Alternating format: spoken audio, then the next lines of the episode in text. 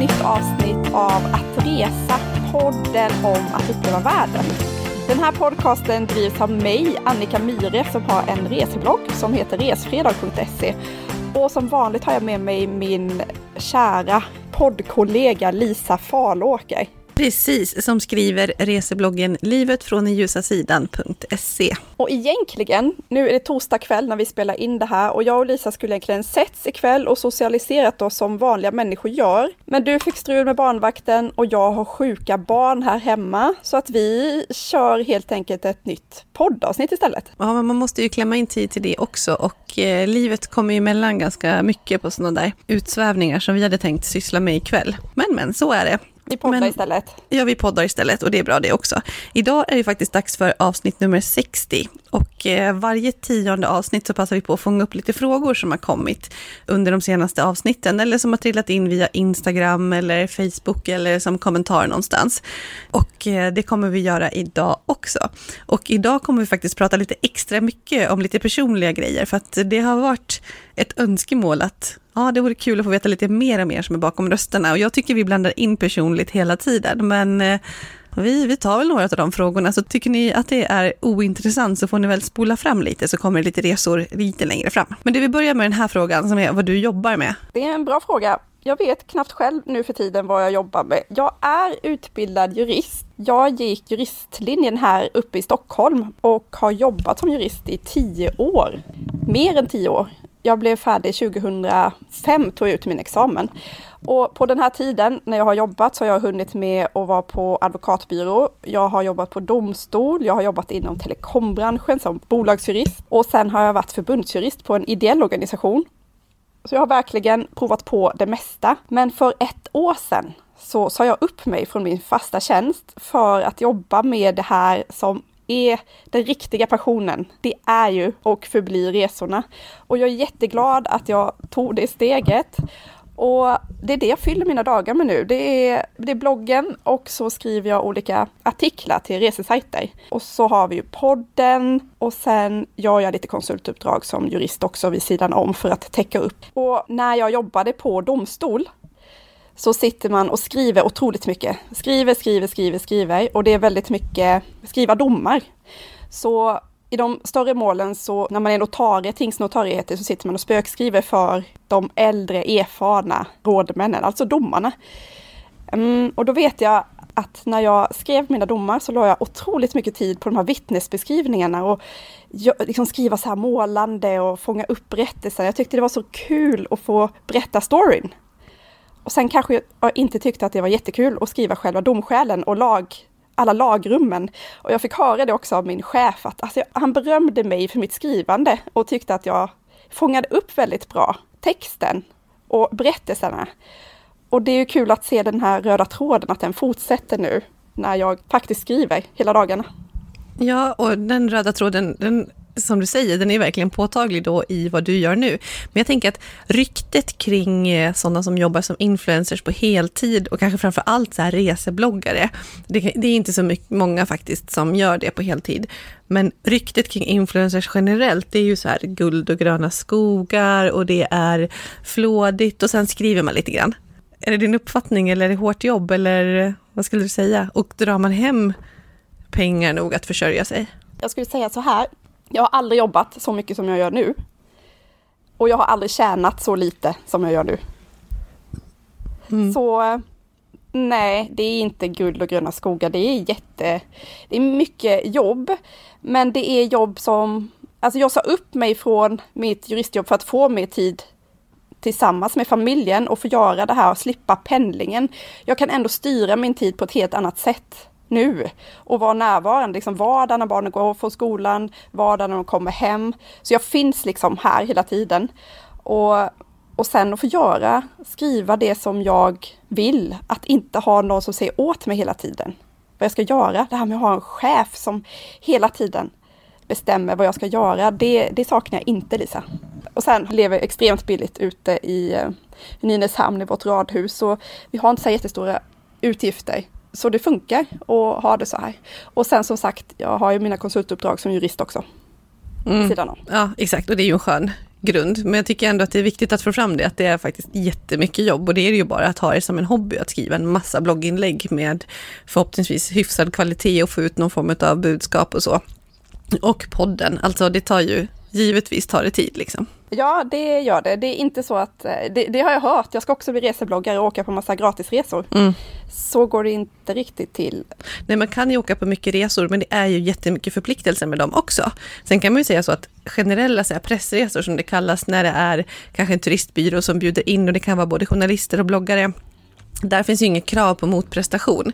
I sånt fall skulle det vara skattbart att se snarare som en ja, ersättning eller vad man ska säga. Men det är ju, om man åker på en sån vill man ju rapportera bra förstås, och man har fått jättemycket content och underlag och det är ju det är hög press. Och min man har sagt det som har varit med mig på någon sån där, jag har gjort väldigt, väldigt få ska jag säga. Jag sa det till dig häromdagen, halvt eh, skämt, halvt allvar. Jag måste vara den som har tryckt ut flest blogginlägg genom tiderna och rest på minst gratisresor.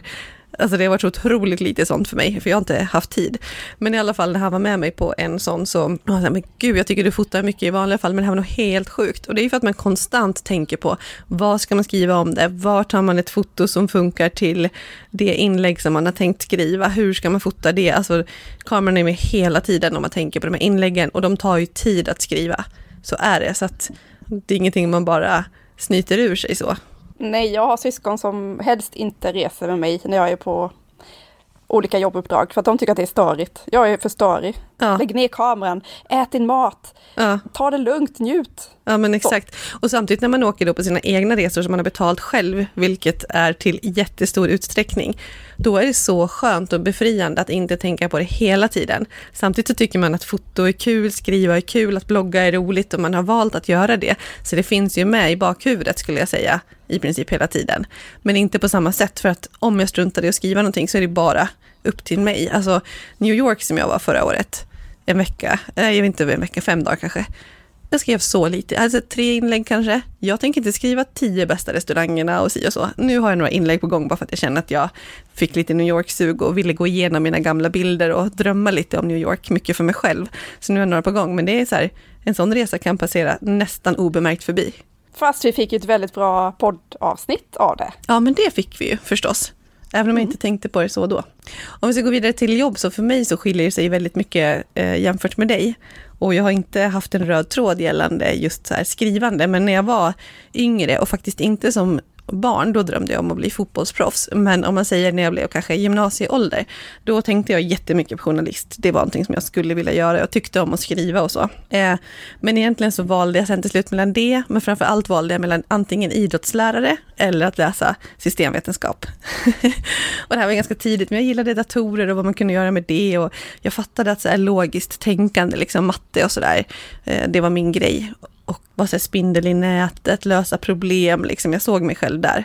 Så då fattade jag kanske att jag skulle bli en framtida ledare i IT-branschen. Jag älskar liksom IT-tänk och eh, arkitektur och kluriga funderingar. Så.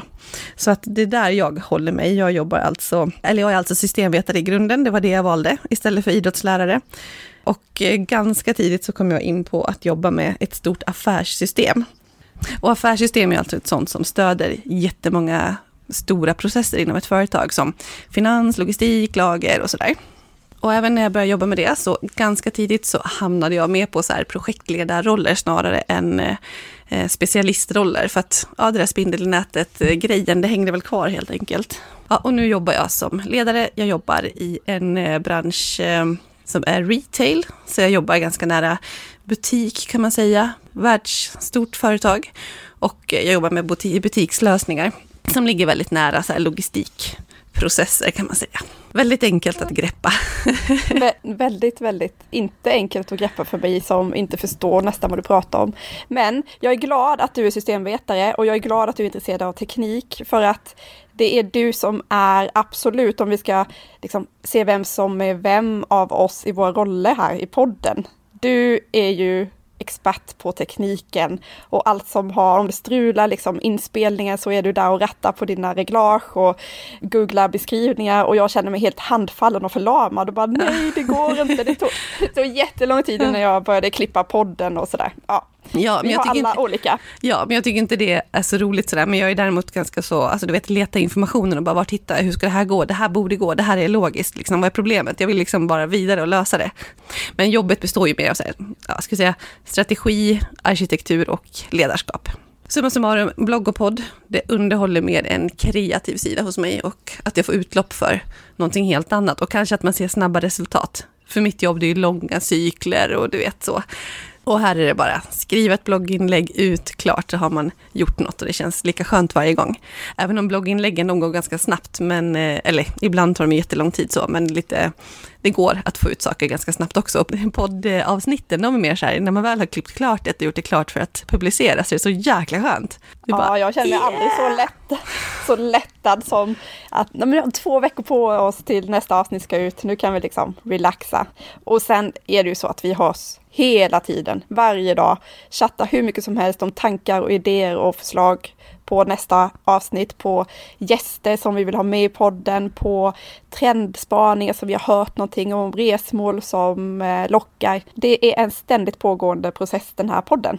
Ja, exakt. Och samtidigt är det ju för att det är så kul. Alltså jag tror att det är som att de träningsintresserade kanske skriver, vad tror du om att jag ska göra det här eh, tyska styrkelyftsprogrammet, eller ska jag köra 3 gånger 12 istället för 4 gånger 8 Ja, du vet. Det är ett intresse helt enkelt.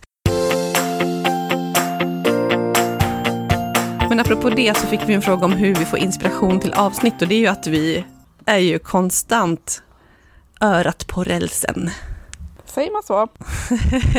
För att höra om tåget kommer. Jaha. Ja, ja, jag, ja, och tåg är ju väldigt inne nu också. Så det Aha, passar ju väldigt, exakt. väldigt. Ja, typiskt mig, jag är så göteborgska av mig. Ja, men så är det. Det finns absolut ingen risk att vår inspiration falnar. Jag kollade innan vi spelade in och just nu så har vi 36 utkast på kommande teman till våra avsnitt. Perfekt. 36. Ja, och då är vi nästan uppe i 100 då, 60 plus 36 och sen skarvar vi på ett gäng extra där. Perfekt. Fyra stycken till, då är vi uppe i 100, eller hur? Ja. Räknar jag rätt? Ja. Och sen lär det, för varje avsnitt vi genererar så kommer det typ 10 uppslag till. Exakt så, verkligen.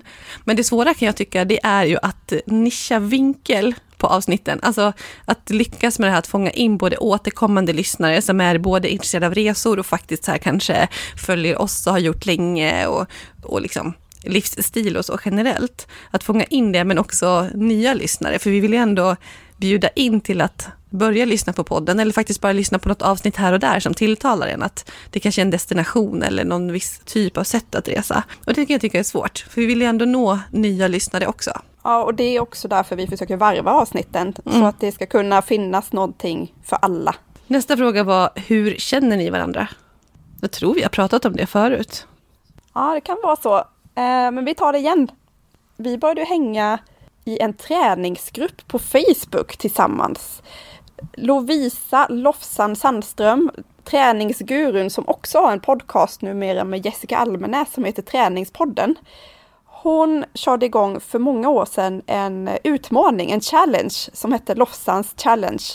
Och vi tränade mycket, tränar mycket och var båda med i den här gruppen. Där snappade jag upp att Lisa hade en blogg och vi började följa varandra och det här var 2011 tror jag. Så det är sju år sedan nu. Och upptäckte att vi hade mycket gemensamt. Många, det här reseintresset var verkligen ett utmärkande drag som vi eh, drogs till tror jag. Ja, men exakt, det var nog så. Vi är väl ganska lika så. Alltså, jag kan sakna din den här vardagsbloggen ibland. Alltså, jag gillar ju Resfredag oerhört mycket förstås. Men det var mysigt att läsa om dina anekdoter och funderingar. Nu chattar vi visserligen ganska mycket ändå, men i alla fall. Ja, för det var så jag började. Jag hade en vardagsblogg där jag skrev om, mycket om barnen och träningen och vardagsfunderingar. Och så hade jag ett tema eh, på resor på fredagar. Och det är därför bloggen heter Resfredag, för att temat hette det. Resfredag. Jag skrev om resor på fredagar. Och sen senare 2014 så bröt jag ut det till en ja, specifik blogg om resor där jag i princip bara skriver om resor. Exakt. Men första gången vi träffades var på eh, Plan International på deras eh, Tjejmilen när vi skulle springa ett lopp tillsammans. Och vi springer ju fortfarande det varje år, Tjejmilen, Mm. till förmån för flickors rättigheter med Plan. Så det är kul att det, det hänger med oss. Kommer du köra i år? Absolut. Mm. Du, du då? Jag räknar med det Lisa, jag räknar med ja, dig. men exakt. Um, ja, men det lär jag väl göra då. Om jag är hemma. Jag är inte helt säker på hur det ser ut den helgen faktiskt. Nej, men det borde jag göra.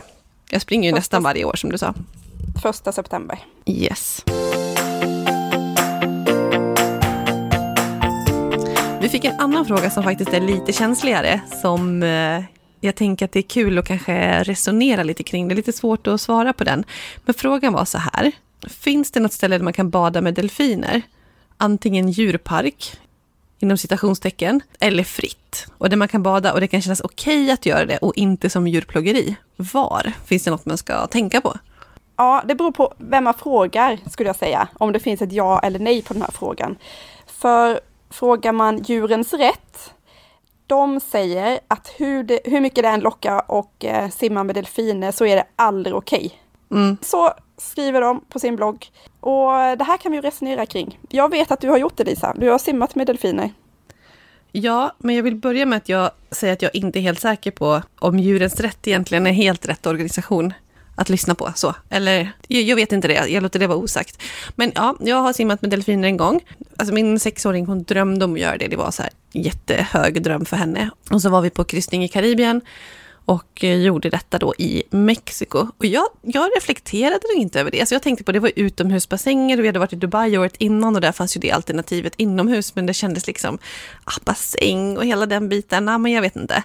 Eh, I Mexiko, ja, ah, men jag läste på lite och det var ju utomhus och naturlig miljö, bababa, du vet så. Sen så tänkte jag inte så mycket på det. Och alltså jag vet inte, jag tror medvetenheten kring resa hållbart på alla sätt och vis och djur och sådär, det har ökat oerhört de sista åren. Samtidigt är vi bara i början på det. Eller så är det jag som har varit naiv innan. Jag, jag vet faktiskt inte. Det kanske, det kanske är så. Eller också så är det att, det att det får utrymme och det är lättare att få fram ifrågasättanden. Och det är väl bra liksom. Skulle jag göra det idag? Alltså, jag, jag vet inte, kanske. Men hur kan man veta vad som är okej och inte? Där, alltså, vad är skillnaden mot hästar i ett stall? Som du stoppar ett bett i munnen och ska styra eller spänner på en sadel. Och, och så. Alltså, jag, jag förstår inte det och nu kanske jag låter helt okunnig. Men, men vart går skillnaden och vad är det som säger vad som är rätt och fel? Vad är varje Det- djurs naturliga miljö? Eller det säger ju sig självt att naturlig miljö inte är där som vi människan använder. Men den historien går så långt tillbaka. Alltså, jag vet inte, hur gör man? Jag tänker mycket på magkänslan. Att är magkänslan okej, ja men lyssna på den då. Känns det som att ah, nej, men det här känns inte riktigt bra, nej men då kanske bara undvika. Fast det är inte så enkelt kanske.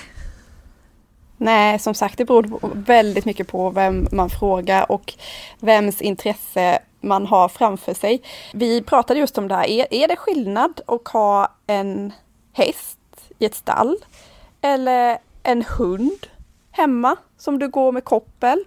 Eller en eh, papegoja som du har en bur hemma. Ja, det handlar här om att de är tamdjur och det är människans naturliga vän och de har varit med oss så länge. Men delfiner ska inte hållas i fångenskap, de ska vara ute i Mm. det fria. Och du fick ju en ganska bits kommentar när du eh, la ut någon bild att du red på kameler i Jordanien. Ja, precis. Nu framgick det inte av bilden att det var Jordanien just, utan det skulle kunna vara precis vart som helst. Och det var någon som bara, ha gud, hur ser ni på det här med djur och resa med tanke på att du lägger upp en sån här bild? Och det hade jag inte reflekterat om för fem öre. Och storyn bakom det, det var att vi var som sagt i Jordanien, vi var i Badrum, det var alltså som är en stor öken utanför eh, Akaba, där vi bodde. Och det var en det var en väldigt låg säsong, för det här var runt jul och det är ganska kallt där då. Så det var så lite folk. Vi var typ själva på den här utflykten vi skulle på. Eh, och utflykten var med jeep i öknen. Och sen kom vi in startskottet, liksom, där man där jeepen kom och hämtade oss och skulle åka ut i öknen. Det var i en liten by, liksom ett litet samhälle. Och det var så lugnt där. Folk liksom knallade omkring i gränderna, låg någonstans och sov. Vi var inne och drack te hos den här guiden som jag hade letat upp på Facebook, tror jag. Han hade någon sida, jag hade bara googlat fram någon eh, som hade fått bra betyg. Liksom. Och, så det var en privat guide kan man säga, som kom och hämtade oss på hotellet. Så det var inte alls något arrangerat på något sätt så. Tog med oss in till någon kompis och där satt vi och drack te i deras hus och det kom några barn och ja, men det kändes otroligt genuint då också för att vi var så få turister. Jag såg liksom ingen annan där i princip. Och sen när vi kom ut, ja, men det, folk gick omkring där och höll sina kameler i koppel eller det låg några kameler nere på någon bakgård någonstans och chilla och tugga gräs liksom. Och så frågade vi guiden bara, men gud barnen skulle gärna vilja rida kamel, kan man göra det?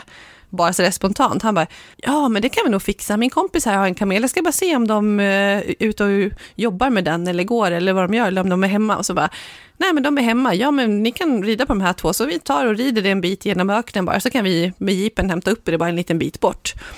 Och så red vi iväg på de där kamelerna då. Och vi träffade ju jättemånga andra beduiner ute på sina kameler som inte alls hade några turister med sig, utan de var ute och gjorde sina sysslor liksom. Och sen kom vi fram till första stoppet efter kanske en ritt på, vad kan det ha varit, 20 minuter kanske. Barnen var ju rätt små då, tre och fem eller så. Och så hoppade vi av och så var det inget mer med det. Så för mig var det så här, ja, men det var ju deras arbetsdjur, alltså för mig var det som en häst. Förutom att jag tyckte att upplevelsen var mycket häftigare. Så jag blev så här, när jag fick den kommentaren, och bara, men, men gud, vad då ska jag tänka så om kameler? Jag har inte gjort det, inte för att jag inte respekterar kamelerna, men bara what? Sen har vi varit i Dubai på sådana eh, jeepturer där man sen stannar och sen så är det två kameler som går varv efter varv med jättemycket turister och det känns ju på ett helt annat sätt. Men jag vet inte om jag för det har tänkt att det är jättestor skillnad mot de där stackars hästarna på Skansen eller på barnridningen. Bör jag tänka mm. så? Alltså, jag såg en film för några år sedan. Den handlar om späckhuggare i fångenskap. Och efter den så blev jag, alltså jag blev verkligen tagen av den här filmen. Det var ett sätt där jag förstod för första gången kanske, jag ville bli delfintämjare när jag var liten. Delfinskötare var ett av mina drömjobb. Men de här späckhuggarna behandlades inte väl. De var inte i sin naturliga miljö. De som vi pratar om, de fick simma kring väldigt små bassänger och hade ett hårt schema för att uppträda för publik. I den här filmen fick jag uppfattningen att de var djupt olyckliga. Vet, fenan hängde på som en krok nästan. den var liksom inte spetsig utan den, de var ledsna de här späckhuggarna. Och det hade hänt en del dödsolyckor på olika nöjesparker där det var tydligt att de var inte friska, de här späckhuggarna. Och jag tog något politiskt ställningstagande för mig själv att jag kommer inte, jag kommer inte åka till SeaWorld och se späckhuggare i fångenskap. Det var så här, det kommer jag inte göra. Delfiner tycker jag är jättesvårt. Jag har en, eh, hela den här drömmen om, som liten och mina första minnen från Kolmården när jag fick se delfiner faktiskt för första gången eh, uppträda var jättestor grej för mig som jag ville att mina barn skulle få upptäcka. Och vi var på, eller uppleva, vi var på Kolmården för några år sedan och fick se en liknande delfinshow där de berättar jättemycket om delfinerna, hur de har det, om deras liv. Det är inte bara en show utan det handlar om kunskapsutbyte. Att barnen får lära sig saker. Och jag tycker det är just det här med nöjespark versus djurpark är någonting som man, som jag har funderat på mycket på senaste, om det verkligen är rätt att ha en nöjespark i anslutning till själva djurparken. Att man, man går med barnen till en nöjespark för att de ska få roligt, åka karuseller, eh, äta sockervadd, äta popcorn och i nästa sekund så ska de gå och mata en banan för nöjets skull. Jag tycker det är stor skillnad att hålla isär att gå till en djurpark eller gå till ett ställe för att lära känna djuren, för att lära sig mer om djuren och se på dem och kanske faktiskt få klappa och eh, ja, jag vet inte. Jag, jag, tycker att det är en distinktion där. Ja, fast det beror ju på vilken inriktning de har i parken och hur bra de gör det. Jag tänker på så här Furuvik som jag tycker att är jättehärlig. Och där kan det ju även vara avdelningar bara med att gå och hälsa på getter. Liksom. Så det är så här de svenska och sen finns det ju även annat där och så. Det är ju en jättefin park med stora ytor och ja, men jag vet inte, det är svårt. Och sen har ju typ så här Kalla fakta granskar ibland, men det är ju viss sensationsjournalistik över mycket saker också. Alltså, vi kommer säkert få massa kritik för att vi är naiva och inte bemöter det här ämnet eh, superbra, men jag är inte expert på det här området. Jag är inte perfekt på det här området. Jag vet inte om jag har ambitionen att vara det. Jag vill vara medveten, jag vill göra aktiva val, men det är också det är svårt. Och jag kanske kommer lyssna på det här om ett år eller två och tänka att jag hade, har kommit någon annanstans i mina resonemang. Så kan det vara, men eh, då är det så. Och nu bara står jag för det. ja, jag är inte att resa jättesnällt mot djuren överallt hela tiden. Jag tycker inte ens om hundar. så, alltså, så vad innebär ditt svar egentligen? Va? Vad, vad, svar, vad svarar du på den här frågan egentligen? Du slingrade lite, du säger lyssna på magkänslan. Om delfinerna eller allmänt? Ja, delfinerna. Ja, delfinerna. Uh, Jag säger att kanske verksamheten inte kommer sluta med den här personens göra eller icke göra och därför väljer att göra något som känns som att det är okej. Okay. Där det är stora bassänger, där det är i havet, inte inomhus. Eh, läs på lite grann innan om, om hur det liksom är och gör en bedömning utifrån det. För jag är inte heller säker på att det här med att åka och titta på vilda delfiner och jaga dem, att det är så mycket bättre. Så är det en upplevelse man drömmer om så tror jag att den kan gå att finnas eh, någonstans utan att man känner sig som den sämsta personen och eh, så. Men jag, jag kan inte svara på var. Nej, och jag säger att jag kommer aldrig simma med delfiner eh, för, fast det har varit en stor dröm och jag kommer inte uppmana mina barn att göra det heller. Jag eh, kolla på dem och kolla på shower med dem men jag tycker att det kan de som jobbar med det få göra. Typ så. Mm.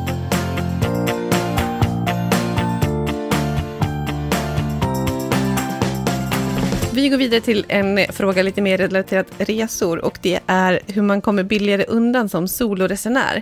Vi har ju haft ett avsnitt som heter att resa ensam och vi pratar ju om att vi tycker att det har en massa fördelar.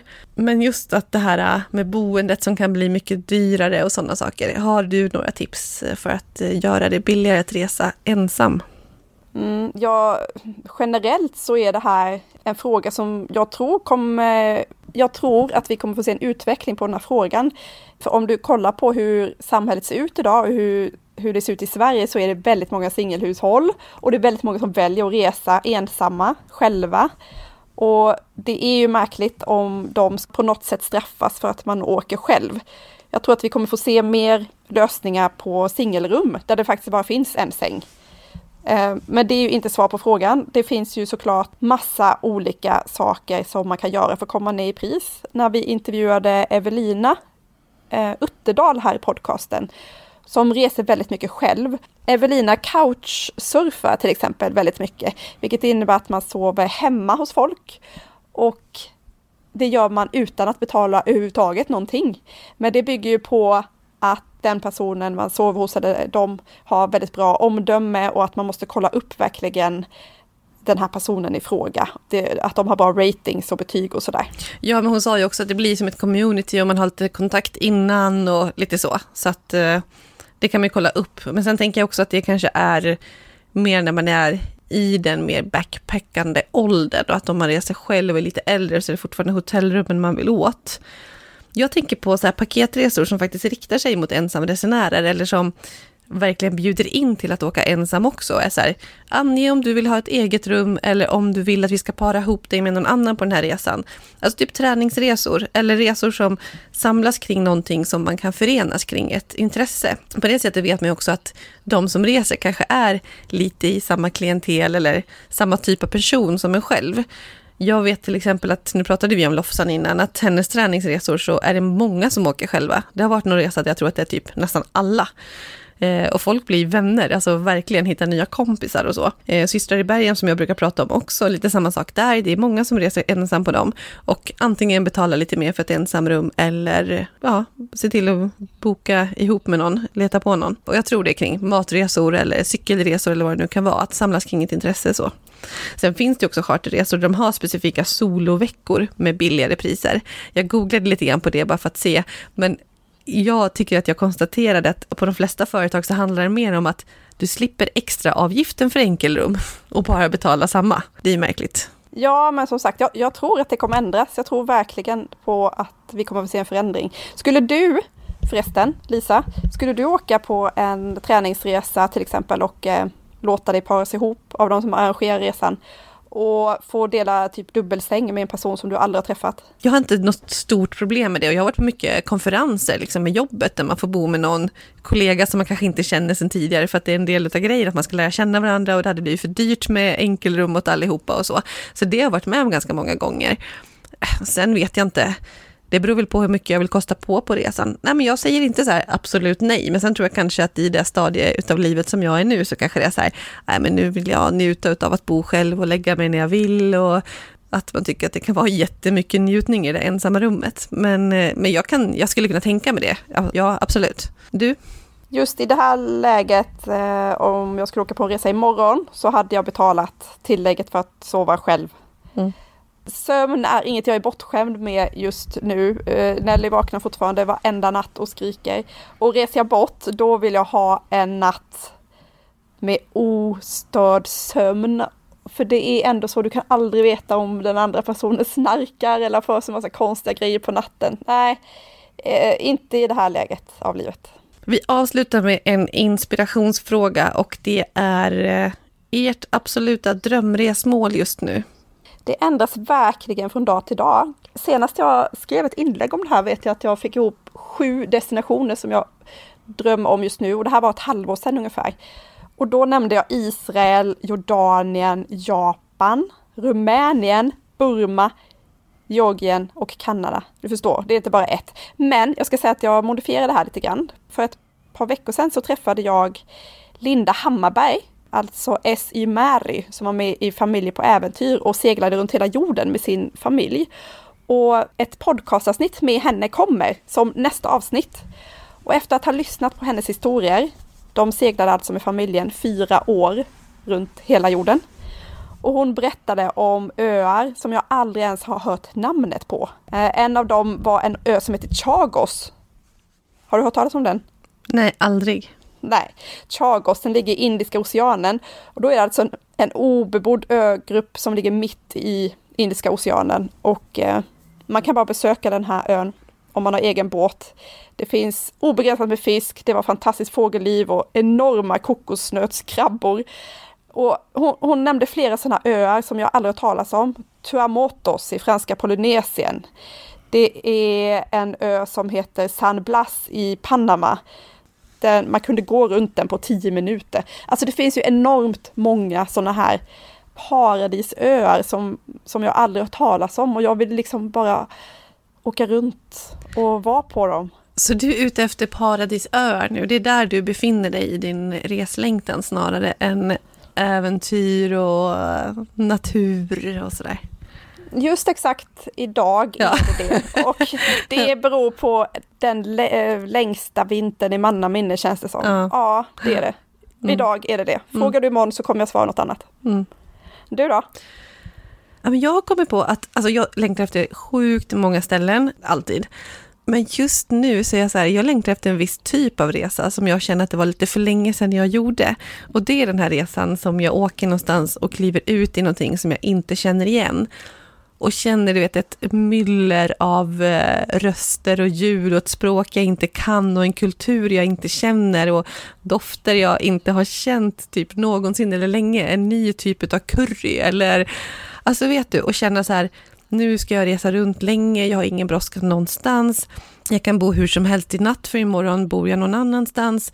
Eh, och allt jag, eller, och jag och min familj eller mitt sällskap behöver har jag i en ryggsäck. Alltså backpacking-känslan, även om jag numera är mer så här flashpacker och liksom bor på hotell och så, så det är inte det jag är ute efter, men lite den här fria känslan och att jag ska vara borta länge och att jag ska se mycket och att jag kan bestämma imorgon vart jag ska. Alltså jag längtar så sjukt mycket efter det. Och jag känner att mycket av mina resor nu är lite tillrättalagda och det är lite nära. Jag tycker ju det är härligt också såklart så. Alltså det gör jag ju. På höstlovet, jag längtar jättemycket efter det. Vi ska åka till Guadeloupe och vi ska inte vara borta så länge. Så då, då ska det vara enkelt. Det ska vara en vecka där vi bor bra, där vi får allt det vi vill ha av en semester. Och det, men det är semester och jag börjar känna att gud, när ska jag nästa gång få göra den här resan som får mig att liksom vakna inifrån och ut, uppifrån och ner och komma ner med nya, och komma hem med nya insikter och känslor och, och så. Typ den, den resan. Mm. Och just den resan du pratade om, inte så lång, men den känslan mm. att vara totalt inte ha koll på någonting och uppleva en destination som, som var så annorlunda från allting annat som jag är van vid. Det fick jag innan jul när mm. jag åkte till Madagaskar. Mm. Det var otroligt och vi kommer ha ett avsnitt om det framöver. Ja, men det måste vi ha. Jag längtar efter att prata om Madagaskar med dig. Och just nu känner jag, alltså, jag känner att när jag beskriver det här, att det är något land i Asien jag pratar om. För att jag, jag älskar Asien. Jag gör verkligen det. Men samtidigt har jag börjat bli så sugen på mer Afrika, att jag vill åka till något, något sånt. Något land där. Mosambik eller... Ja, jag vet inte. Hon har en väldigt drömmande blick nu. Ska ni ja, exakt. Man får göra liksom, krypa in i sig själv och bara, vad är det jag försöker söka och förmedla? Kan du berätta om en sån resa för oss, du som lyssnar på det här? Något ställe jag ska åka till för att få den känslan? Gärna något jag inte har varit på innan och som jag kan åka till eh, med barnen om ett år. Okej? Okay? Ja, precis. Maila oss på hejatresapodden.se eller tagga oss på Instagram eller kolla in vår Facebook-sida. Vi vill veta vad du gör för resor och om du har några tips och vi vill höra dina frågor så vi kan samla upp dem i sådana här avsnitt, var tionde avsnitt. Mm, det är kul. Men nu får vi avsluta för idag och jag längtar redan efter nästa avsnitt som är med Linda från SC Mary. Alltså, det är inspiration och idag har ni fått lära känna oss lite mer och vi har pratat om lite så tuff fråga kring djurhållning och hur man ska tänka med det på semesterresan. Vi får lyssna på om ett år och ta en uppföljning Lisa. Ja, men exakt, exakt. Eh, men tack för idag och eh, ha det så fint. Tack så mycket. Hej då.